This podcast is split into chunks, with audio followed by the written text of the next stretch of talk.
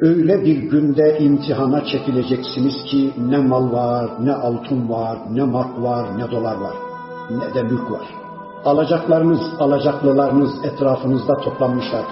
Ödeyeceğiniz paranız, pulunuz yok. İbadetleriniz, namazlarınız, oruçlarınız, haçlarınız, zekatlarınız, hasenatınız onlara verilecek.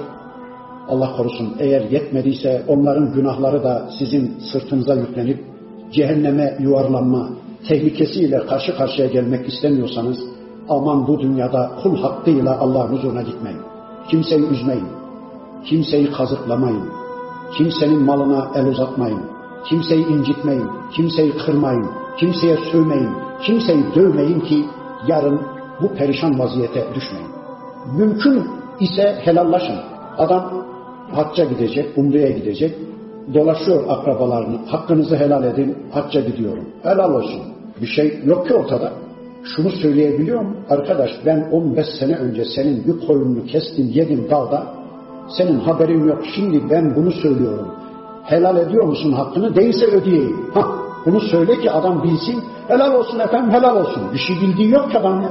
Sen ne yaptığını söyle ki adam bilsin. Ona göre helal edecekse etsin, etmeyecekse etmesin. Öde arkadaş demişse öde ya dünyada. Öbür tarafa bırakma.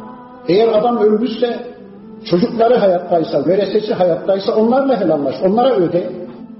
Ya da hiç kimsesi hayatta kalmamışsa aldığın o miktar kadarını ver fakirlere, onun namı hesabına, onun hayrına böylece Allah'ı razı etmeye çalış.